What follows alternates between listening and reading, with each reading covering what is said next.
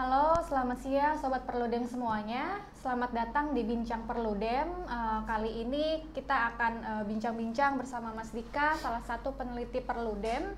Uh, di uh, Bincang Perludem kali ini bersama saya uh, Amalia dari Perludem juga. Nah, sebelum kita mulai diskusinya, saya mau ingatkan teman-teman untuk jangan lupa uh, like men-share dan men-subscribe YouTube channel Perludem di Perkumpulan untuk Pemilu dan Demokrasi. Nah, uh, sekarang kita lanjut aja ya, berarti ya langsung ke diskusinya di pagi ini. Jadi uh, judul uh, tema yang mau kita omongin nih teman-teman uh, yaitu menjaga integritas pilkada melalui open elections apa dan bagaimana. Nah, uh, saya mau nanya nih ke Mas Tika, uh, sebelum kita ke, ke pilkada ya, Mas sebetulnya uh, kan nanti uh, pemilu uh, KPU mau menyelenggarakan pilkada mm -hmm. 2020 di uh, 200 70 70 daerah gitu. Sebetulnya uh, bagaimana sih evaluasi Perludem itu sendiri di pemilu 2019? Uh, dalam keterbukaan data atau keterbukaan hmm. informasi pemilu, kita punya beberapa catatan buat uh, apa uh, keterbukaan informasi pemilu hmm. yang yang dilakukan oleh KPU ya. Hmm. Pertama, uh, ini apa catatan ini kita tulis kita dapatkan ketika karena 2019 kan uh, Perludem bikin apa satu platform hmm. untuk pendidikan pemilih hmm. uh, namanya Pintar Memilih. Jadi uh, itu kerja panjang sejak 2014 kita bikin uh, API pemilu. Hmm. Jadi API itu Application Programming Interface. Hmm. Jadi itu bahan baku untuk membuat aplikasi uh, yang berbasis uh, apa berbasis web berbasis Android atau berbasis iOS untuk ya bikin aplikasi soal kepemiluan. Hmm. Jadi 2014 kita bikin itu, terus kemudian uh, kita bikin hackathon, kita siapin bahan bakunya kan tadi, hmm. terus setelah itu kita uh, ajak developer-developer untuk memanfaatkan informasi-informasi yang sudah kita digitalisasi hmm. menjadi API itu untuk uh, dibikin aplikasinya hmm. oleh mereka se sekreatif mungkin gitu ya. Nah, e, dari 2014 terus kemudian kita sudah melakukan hackathon di Pilkada, kita melakukan apps challenge. Jadi e, kalau di hack, kalau hackathon itu kita undang developer untuk e, apa? satu hari e, kayak camp gitu untuk mm bikin namanya juga hack marathon gitu mm untuk bikin satu aplikasi. Tapi kalau apps challenge kita buka kayak seminggu dua minggu. Mm terus uh, teman-teman developer me mengirimkan prototipe dari hmm. aplikasinya hmm. gitu. Nah 2019 uh, eh, karena pemilunya itu kompleks, jadi kita tidak melakukan itu. Terus kemudian kita uh, apa mau bikin sendiri nih gitu satu hmm. platform yang memang uh, apa komplit untuk hmm. semua orang bisa bisa mengetahui pemilu 2019 kayak gimana. Nah, karena kita pengennya komplit, jadi kita mendigitalisasi eh, data-data e, itu semuanya. Maksudnya apa yang dibuka oleh KPU hmm. kita digitalisasi gitu untuk kemudian bikin satu web yang komplit itu. Uh, yaitu dari dari pengalaman men, mengumpulkan data terus kemudian mendigitalisasi menjadi API terus hmm. kemudian membuat si platform itu uh, ada beberapa catatan sih. Maksudnya uh, apa sih tantangan kita dalam hmm. mengumpulkan data hmm. itu? Yang pertama si data yang disediakan oleh KPU itu tidak berbentuk hmm. uh, mesin readable atau enggak yang biasa kita sebut dengan open data hmm. gitu ya.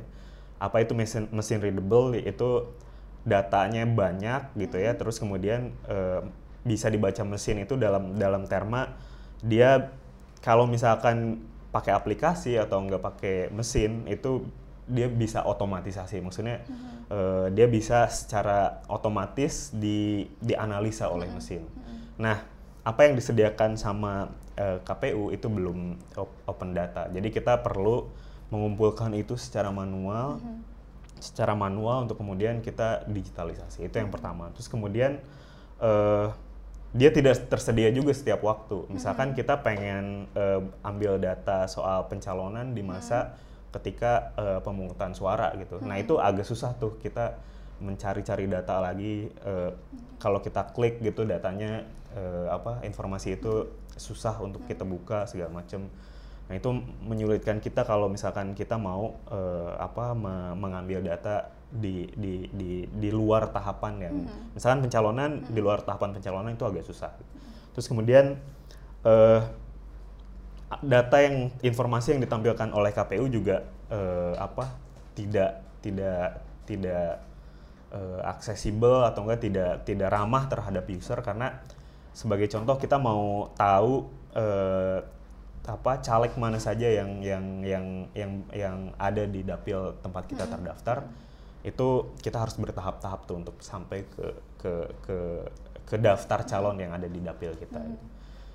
Ya, terus kemudian selanjutnya si data itu uh, tidak tersup, tidak terpusat dan tidak terkoneksi.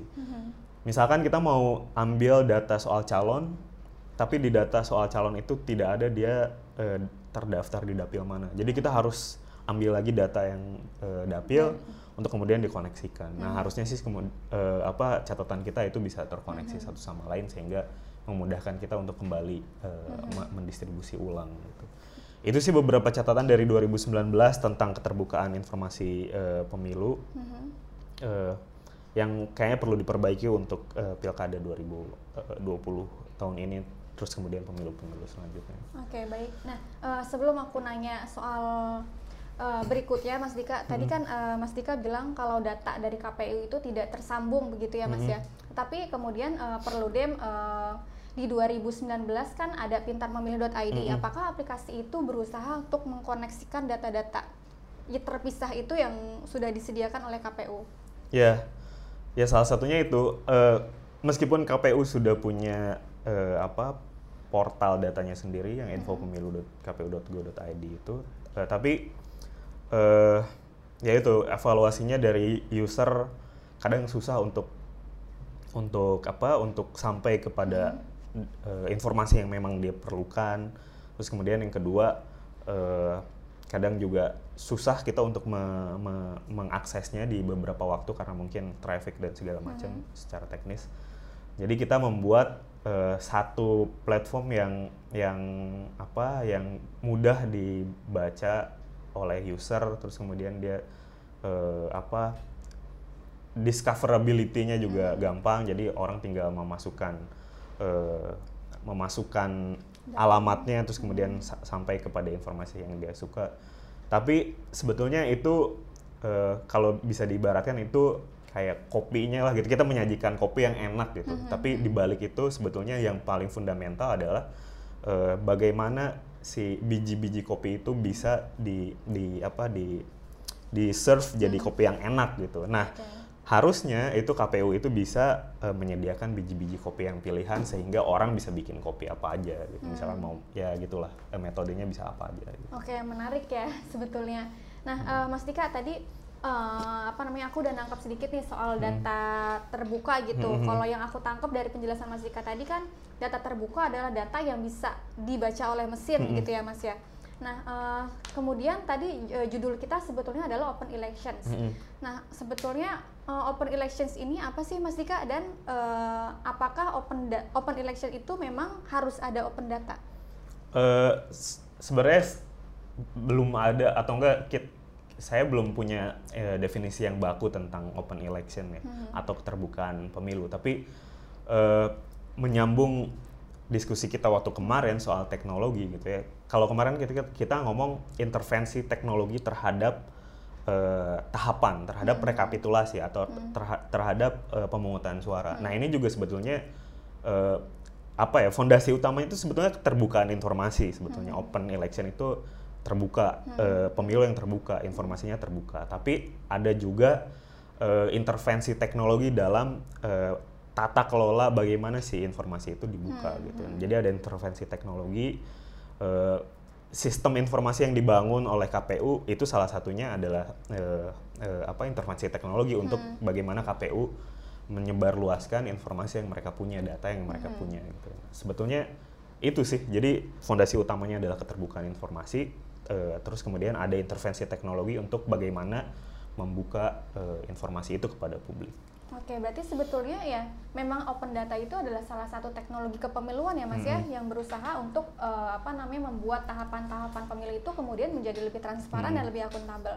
Nah, eh, kalau boleh berbagi sedikit nih Mas Dika, eh, tadi Mas Dika memberikan evaluasi gitu. Sebetulnya prinsip-prinsip keterbukaan pemilu yang seperti apa sih yang bisa di apa bisa diadopsi oleh KPU untuk kemudian diterapkan di Pilkada 2020? Ya, selama ini kan open data atau enggak open election itu dipahami penyelenggara pemilu membuka informasi dan data kepemiluannya di dalam sebuah plot, uh, platform di online gitu. Hmm. Tapi sebetulnya nggak cuma itu open election itu kita kita bicara soal ekosistemnya. Hmm. Jadi nggak cuma menyediakan data datanya dalam format terbuka, tapi juga ada beberapa hal uh, yang menjadi uh, apa ya menjadi indikator bagaimana ekosistem keterbukaan pemilu ini dibangun. Yang pertama soal kepemimpinan. Hmm. Kepemimpinan itu soal bagaimana uh, apa pemangku kebijakan orang-orang yang uh, stakeholder di politik gitu punya komitmen untuk hmm. uh, bagaimana membuka informasi-informasi uh, data pemilu itu. Hmm. Nah komitmen ini bisa dijabarkan di diejawantahkan gitu ya menjadi bagaimana dia membangun uh, misalkan MOU atau enggak e, membangun regulasi gitu ya hmm. tentang bagaimana si e, informasi pemilu ini dibuka. Hmm. Terus kemudian bisa juga diajawantahkan dengan dia ngasih e, apa e, pelatihan atau enggak biar skill dari hmm. e, apa dari dari dari staffnya dari hmm. keserkat kesekretariatannya itu bisa e, masuk gitu teknologi hmm. itu bisa di bisa digunakan di dalam itu. Terus kemudian dia membangun uh, apa uh, keterlibatan dengan publik. Jadi mm-hmm. nggak mm -hmm. cuma buka nih buka datanya terus kemudian mm -hmm. publik tidak bisa uh, mengambil itu mm -hmm. terus kemudian mem membuat itu ya bagaimana sebetulnya penyelenggara penyelenggara pemilu bisa membangun uh, apa civic engagement dari mm -hmm. dari data yang dia buka. Mm -hmm. Itu sih. Terus kemudian tadi soal kepemimpinan. Kemudian yang kedua uh, soal ekosistem pemilu itu ada kerangka hukumnya gitu hmm. bagaimana uh, di undang-undang gitu terus kemudian di peraturan-peraturan teknis di bawahnya itu bisa uh, apa membuat si data dan informasi itu terbuka sebetulnya kalau kita ngomongin kerangka hukum uh, sebagai fondasi kita udah punya uh, undang-undang keterbukaan informasi hmm. publik gitu uh, bagaimana si KPU itu bisa membuka data-data di tahapan pemilu tapi itu kan baru membuka informasinya. Belum ada di di undang-undang pemilu juga ada di uh, pasal 14. Jadi penyelenggara pemilu KPU itu wajib menyampaikan seluruh tahapan penyelenggaraan pemilu. Gitu. Nah, tapi itu baru di situ aja. Belum sampai ke bagaimana intervensi teknologinya untuk tata kelola hmm. tata kelola uh, pembukaan data itu, uh, itu dalam dalam bentuk yang open data itu. Terus kemudian yang ke, yang ketiga kemampuan institusinya di dalamnya. Jadi tadi udah ada komitmen dari dari misalkan komisioner hmm. untuk oke okay, kita membuka data informasi ini kepada publik dalam uh, online gitu ya hmm. dalam platform uh, dengan bantuan teknologi terus kemudian uh, ada kerangka hukumnya di undang-undang terus kemudian dia bikin aturan, teknisnya. aturan teknisnya terus hmm. kemudian ya dia juga harus bisa menyiapkan uh, apa jajaran staffnya itu untuk skillnya bisa ditambah terus hmm. kemudian uh, struktur organisasinya itu ada hmm. itu untuk kemudian dia bisa bisa bisa apa bisa uh, menopang komitmen yang tadi sudah dikemukakan gitu uh, ya itu terus kemudian ada ketersediaan datanya terus kemudian ada itu tadi keterlibatan publik hmm. dan juga pendanaan juga penting hmm. jadi pendanaan itu uh, harus ada porsi di dalam pemerintah atau enggak uh, ya dari mana pun itu mm -hmm. untuk uh, apa ya untuk pengembangan teknologi ini tuh seperti apa sih mm -hmm. gitu untuk untuk tata kelola informasi ini dan uh, selain itu juga uh, apa uh, infrastruktur teknologi di nasional juga harus harus harus baik juga gitu mm -hmm. bagaimana di daerah itu kecepatan internetnya seperti apa, hmm. terus kemudian kalau misalkan kecepatan internetnya nggak memadai itu seperti apa, hmm. nah itu juga perlu dibangun. Jadi ekosistem uh, keterbukaan pemilu itu bukan hanya me menampilkan atau membuka data saja. Hmm. Itu satu hal, tapi di, di, di lain itu juga ya kita harus membangun ekosistem untuk keterbukaan data pemilu. Oke, okay. Mas, uh, untuk pilkada 2020 kan hmm. KPU itu uh, bikin portal namanya uh, apa satu data pemilu ya, Mas ya? Hmm, hmm, open satu, data open pemilu. Data, open data pemilu. Nah kalau tadi bicara uh, soal ekosistem keterbukaan Hmm. data, sebetulnya platform yang sudah dibikin KPU ini bisa dikatakan sudah menjadi ekosistem yang baik belum untuk Hmm. keterbukaan data? Kalau platformnya sendiri ya data availability-nya, maksudnya ketersediaan datanya. ya. Kalau di pemilu 2019 kan itu ada info pemilu.kpu.go.id. Secara keterbukaan informasi itu sudah baik lah gitu. Maksudnya eh, beberapa tahapan dibuka dan kita juga eh, bisa mengambil itu meskipun secara manual gitu kita input lagi segala macam untuk kemudian didigitalisasi. Gitu.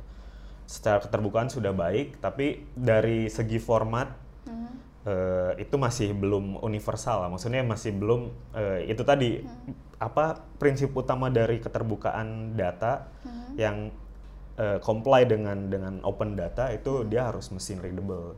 Mesin readable itu apa? Balik lagi dia bisa secara mudah, secara otomatis dianalisa oleh mesin. Gitu. Karena ini kan datanya banyak banget Iya. dari dari data caleg aja itu kayak ada 300 ribu misalkan. Nah itu bagaimana data itu eh, bisa dianalisa oleh mesin untuk kita tahu oh ini tuh ternyata eh, salahnya di mana kita bisa cleaning segala macam gitu jadi kalau lihat kalau di pilkada belum belum kelihatan sih seperti apa ya tapi untuk pemilu 2019 ya itu tadi catatannya dia belum comply dengan prinsip prinsip prinsip open data. Itu Tapi sih apakah memang dari sudut pandang keterbukaan pem- eh, pilkada itu sendiri, Mas, apakah memang penting ada platform di mana eh, semua data kepemiluan yang diolah oleh masing-masing KPU daerah gitu dikumpulkan di satu portal? Ya, pen- penting sih. Eh, karena kan 270 daerah. Orang kalau mau lihat ya masa harus cari di di apa di satu misalkan saya mau, mau lihat pilkada di daerah A harus ke daerah A gitu kan ke KPU ke ya penting untuk ada itu di di tiap-tiap eh, website KPU itu ada gitu informasi yang dibuka eh, mengikuti tahapan tapi juga harus ada yang bisa mengkoneksikan antara data-data yang dibuka sama sama apa sama KPU daerah gitu. Eh tadi kelewat soal open data portal open data pemilu, iya KPU membuka opendata.kpu.go.id, tapi ketika dicek ya itu balik lagi itu cuma ya belum comply lah sama prinsip-prinsip open data yang yang yang secara internasional dibangun gitu. Oke, baik. Berarti tadi udah eh, memang perlu ya, Mas. Eh, mas, eh, iya sih sebetulnya juga waktu di Pilkada 2018 kan kita juga ngumpulin data ya. Mm-mm. Nah, itu ada beberapa data yang susah. Salah satunya adalah data soal dana kampanye eh, para pasangan calon gitu. Hmm. Nah, eh, menurut Mas Dika sendiri eh, data apa saja sih yang mesti ditampilkan di dalam eh, apa namanya eh, open data open data pemilunya KPU ini dan sejak eh, selama ini gitu Mas Dika apa saja data yang apa ya data yang paling buruk disajikan oleh KPU atau paling tidak diperhatikan gitu oleh KPU yang sebetulnya itu bisa memunculkan ada eh, inisiasi baru gitu dari publik. Sebenarnya kalau ngomongin sem- eh, data Mm-mm. eh, harusnya defaultnya ya setiap tahapan itu terbuka gitu untuk publik. Kalau misalkan ada beberapa hal yang eh, apa bersinggungan dengan ke- apa privacy, ya itu harus di Oh, iya, ap- apa KPU juga harus bilang kalau ini tuh privacy dan dia ditutup. Tapi itu tidak menjadi alasan bagi KPU untuk eh, menutup semuanya. Kayak kemarin kita eh, mengumpulkan data calon nih. Mm-mm. Nah, ada calon yang mau datanya dibuka, tapi ada jadi di formulirnya KPU itu sejak 2014 kan ada di bawahnya Mm-mm. eh, apakah Anda bersedia gitu ya untuk untuk dibuka. Mm-mm. Tapi karena di checklist tidak tidak bersedia, semuanya tertutup gitu. Padahal kan nggak semua data yang ada di soal calon itu privacy kan, misalkan usia gitu. Usia kita bisa tahu eh, apa tahunnya aja gitu misalkan untuk kita Iya, tahu. iya. Terus kemudian jenis kelamin. Ya ini perdebatan sih sebetulnya. Ataupun eh, ya perdebatan sih. Ada tipis gitu apa eh, eh, eh, limitnya apa eh, batasnya antara antara data publik sama data data privacy. Tapi menurut menurut saya sih misal ini ngomong data calon aja. Eh, apa? Ya KPU harus pilah-pilah nih mana yang data pribadi, mana yang sebetulnya kayak misalkan visi misi. Karena KPU-nya karena calonnya tidak mau datanya itu dibuka, ya semuanya sampai visi misinya yang sebetulnya Oh, publik. iya, iya, iya, itu eh, apa? Eh, itu tidak dibuka gitu. Itu baru calon. Sebetulnya banyak data-data yang yang semestinya terbuka. Yang pertama soal penyelenggara pemilunya itu sendiri. Hmm.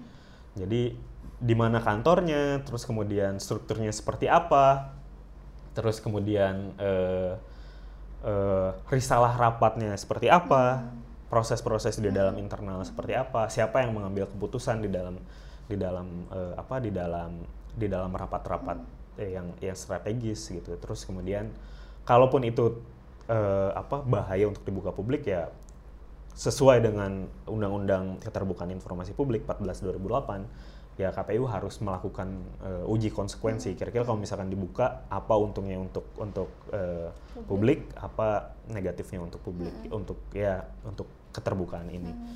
Nah kal kalau sudah ada itu itu harus dibuka juga kenapa untungnya segala macam ya hmm. ya kita bisa terima gitu.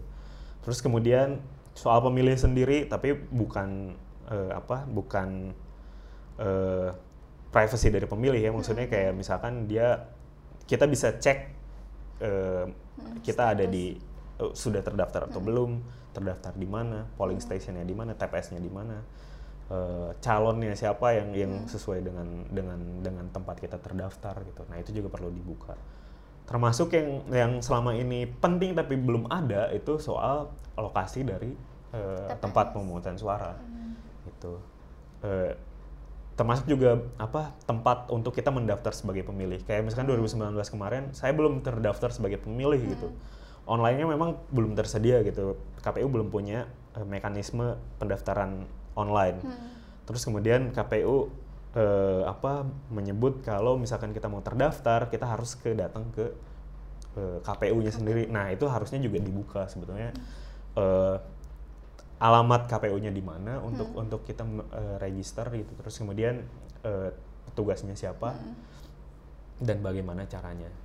Sebenarnya kalau dirinci ada banyak banget, ada hmm. kayak 18 gitu. Ini kita ngambil dari standar internasional tentang data kunci apa saja yang seharusnya yeah. terbuka ya kurang lebih itulah kalau kita lihat aktor gitu dari mulai pemilih, hmm. eh, calon, partai, penyelenggara sendiri ya itu harus dibuka. Termasuk ke sampai nanti ke eh, apa daerah pemilihan hmm. itu seperti apa, terus kemudian eh, tadi yang di eh, apa yang di dana, dana kampanye sama ya dana kampanye juga banyak juga kan hmm. ada laporan hmm. awal, terus kemudian penyumbangnya siapa, hmm. terus kemudian eh, apa pengeluarnya seperti hmm. apa ya itulah terus kemudian di ya pokoknya ngikutin tahapan terus ada juga soal sengketa juga ya hmm. sebetulnya itu juga uh, sengketa pemilu mas. sengketa pemilu hmm. itu uh, di standar internasional harusnya dibuka hmm. tapi mungkin ada pertimbangan lain untuk menjaga privacy dari pelapor atau hmm. enggak privacy dari uh, apa dari saksi dan hmm. uh, apa jalannya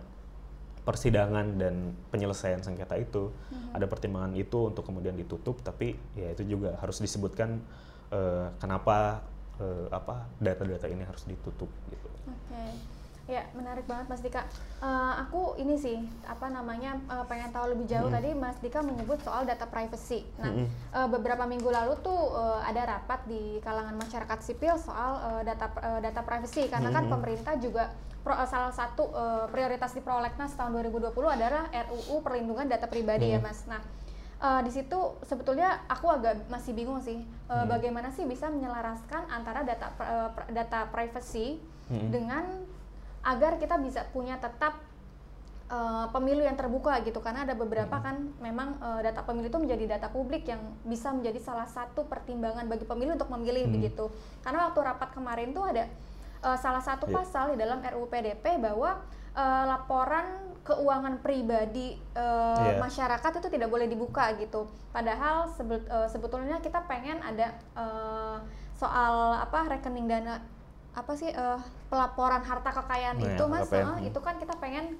uh, pengen tahu gitu ya hmm. ya sebagai uh, bentuk pertanggungjawaban uh, pejabat publik begitu begitu juga dengan uh, laporan dana kampanye apakah kemudian nanti sumbangan dari uh, perseorangan itu dikatakan juga sebagai uh, sebagai data uh, ter, sebagai yeah. data pribadi yang hmm. harus dilindungi yang tidak bisa dibuka ke publik gitu. Hmm. Nah, pandangan Mas Dika sendiri bagaimana Mas? Ya, memang ini uh, tipis ya maksudnya antara mana yang data pribadi dan mana yang data publik hmm. itu tipis banget. Hmm. Kalau yang soal LHKPN memang itu kalau misalnya sudah jadi pejabat publik ya dia wajib melapor hmm. harta kekayaannya. Hmm. Tapi ya data itu penting untuk kita tahu uh, kekayaan si orang ini, si calon ini. Hmm. Tapi meskipun ya itu tadi itu tipis gitu antara apa antara data pribadi dengan data publik. Ini nggak cuma di Indonesia doang hmm. sih.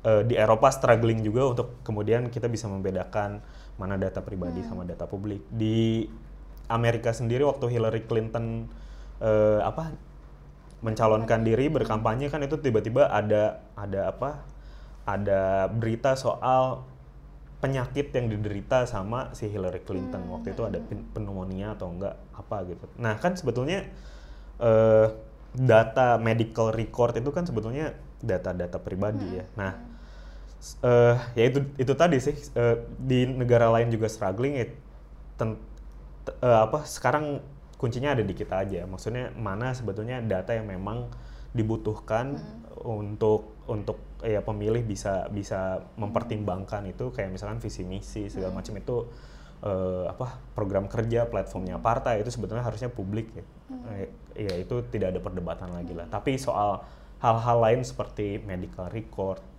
terus kemudian agama bisa jadi jadi data pribadi yang memang kalau dibuka uh, ke publik uh, apa itu bisa jadi sensitif hmm. atau enggak suku gitu kan hmm. itu juga bisa jadi sensitif ya prinsipnya itu sih um, kalaupun itu disebut sebagai data pribadi yang memang uh, apa tidak bisa dibuka hmm. itu penyedia datanya misalkan calon ini kan ngasih datanya ke KPU. Nah, KPU hmm. harus betul-betul uh, apa menguji konsekuensi itu kalau kita ikut hmm. ke undang-undang undang-undang apa undang-undang keterbukaan informasi publik ya apa positifnya kalau in, misalkan ini dibuka apa negatifnya kalau ini dibuka gitu. nah pertimbangan-pertimbangan itu juga sebetulnya harus harus bisa kita akses kita harus tahu itu. Terus kemudian e, kalau misalkan kita e, apa punya pandangan lain atau argumen ya kita bisa sengketakan hmm. itu gitu di komisi informasi misalkan. Hmm. itu sih. Oke berarti sebetulnya untuk bisa uh, kita menghormati hak uh, privasi orang lain juga kita butuh penyelenggara pemilu yang bisa hmm. menjaga ini ya mas hmm. kepentingan hmm. masyarakat atas hmm. uh, teraksesnya data-data hmm. publik hmm. begitu ya. Nah uh, karena waktunya udah tinggal tiga menit nih teman-teman uh, apa ya uh, Mas Dika rekomendasinya apa nih agar pilkada 2020 kita bisa lebih jauh lebih baik dari capaian keterbukaan data kita di pemilu 2019? Uh, yang pertama prinsip open data itu kayaknya kita perlu perlu ini kan masih internasional nih, nah perlu dikontekstualisasikan dengan dengan apa dengan keadaan di Indonesia gitu. hmm. gitu. Keterbukaan informasinya informasi publik sih sebetulnya udah untuk penyelenggaraan pemilu ya udah hmm. lumayan bagus lah gitu. Hmm. Kita bisa tahu ya di 2014 itu breakthrough banget lah. Hmm. Terobosan banget 2014 kita bisa tahu apa eh, hasil di di TPS terus kemudian calon gitu ya hmm. CV calon terus kemudian kita juga bisa uh, mengecek kita sudah terdaftar atau enggak 2019 itu dilanjutkan gitu tapi pertanyaan kita sekarang kan sebetulnya terobosan apa lagi sih yang hmm. hmm. yang bisa dilakukan oleh KPU ya karena fondasi keterbukaan informasi publiknya sudah advance nih hmm. ya kita perlu melangkah lagi hmm. jadi perlu didigitalisasi untuk kemudian itu bisa aksesnya bisa lebih terbuka untuk publik hmm. uh, nggak cuma terbuka tapi publik juga bisa mengunduh, hmm. mengambil lagi untuk kemudian mendistribusi ulang dalam bentuk-bentuk yang yang lebih baik lagi hmm. bisa bisa itu penelitian, bisa itu platform digital atau apa pun. Jadi ya prinsipnya itu sih. Hmm. Jadi kita bisa buka kalau kalau kita ikutin prinsip-prinsip data pemilu terbuka itu ya eh, data itu bisa mudah diakses oleh publik, terus kemudian diunduh, hmm. terus kemudian didistribusi ulang siapa pun itu gitu. Hmm itu sih sebetulnya yang yang yang menjadi uh, rekomendasi kita ke depan hmm. untuk pemilu. Ya harus ada terobosan-terobosan lagi ya salah satunya mendigitalisasi uh, apa data pemilu gitu. Tapi apa ya prinsip sebenarnya kan selalu ada uh, pandangan ah ini ini kita udah terbuka kok. Ngapain uh, minta lagi data yang yang lebih spesifik lagi yang data, dalam format data terbuka gitu. Nah sebetulnya sih keterbukaan informasi publik ini kan penting untuk me, me, melegitimasi hmm. proses dan hmm. hasil pemilu gitu. Kecenderungannya kalau misalkan print apa kalau misalkan penyelenggaraannya terbuka, semua orang bisa tahu prosesnya seperti apa, itu legitimasi hasil pemilu juga bisa diterima oleh banyak banyak pihak gitu. Dari mulai pemilih, terus kemudian eh, partainya juga bisa lihat eh, bagaimana si suara ini bisa di eh, apa dikonversi Kalau- jadi jadi dia jadi kursi gitu kan, itu prosesnya terbuka ya kita bisa bisa menjaga integritas pemilu itu. Terus itu yang pertama. Eh, yang kedua eh, dengan keterbukaan eh, pemilu ini dengan open election ini kita bisa merangsang eh, partisipasi publik secara luas gitu. Dia bisa ngawal kayak misalkan kita buka eh, hasil hasil apa hasil hasil perolehan suara itu kan muncul in- inisiatif dan inovasi dari publik kayak misalkan kawal pemilu gitu. dia eh, menginput data-data dari TPS untuk kemudian menjadi data pembanding.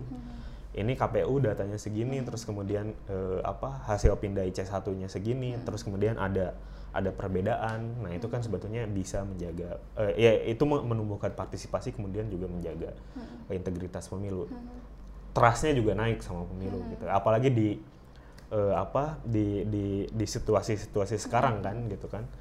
Eh, ya udah bukan zamannya lagi kita menutup menutupi proses. Eh, kita harus buka si pemilu itu sehingga partisipasinya naik integritas dari pemilu itu sendiri hasil dan prosesnya juga naik terus kemudian eh, apa kepercayaan publik pada jalannya proses dan hasil pemilu itu juga bisa naik.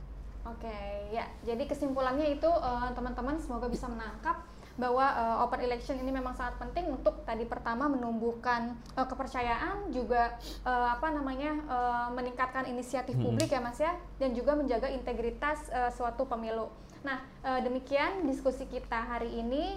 Eh, jangan lupa teman-teman mau mau ngingetin sekali lagi untuk eh, me-like, men-share dan men-subscribe uh, YouTube channel Perludem di uh, Perkumpulan untuk Pemilu dan Demokrasi. Uh, kurang lebihnya kami mohon maaf jika ada uh, salah kata dan kekurangan gitu. Terima kasih.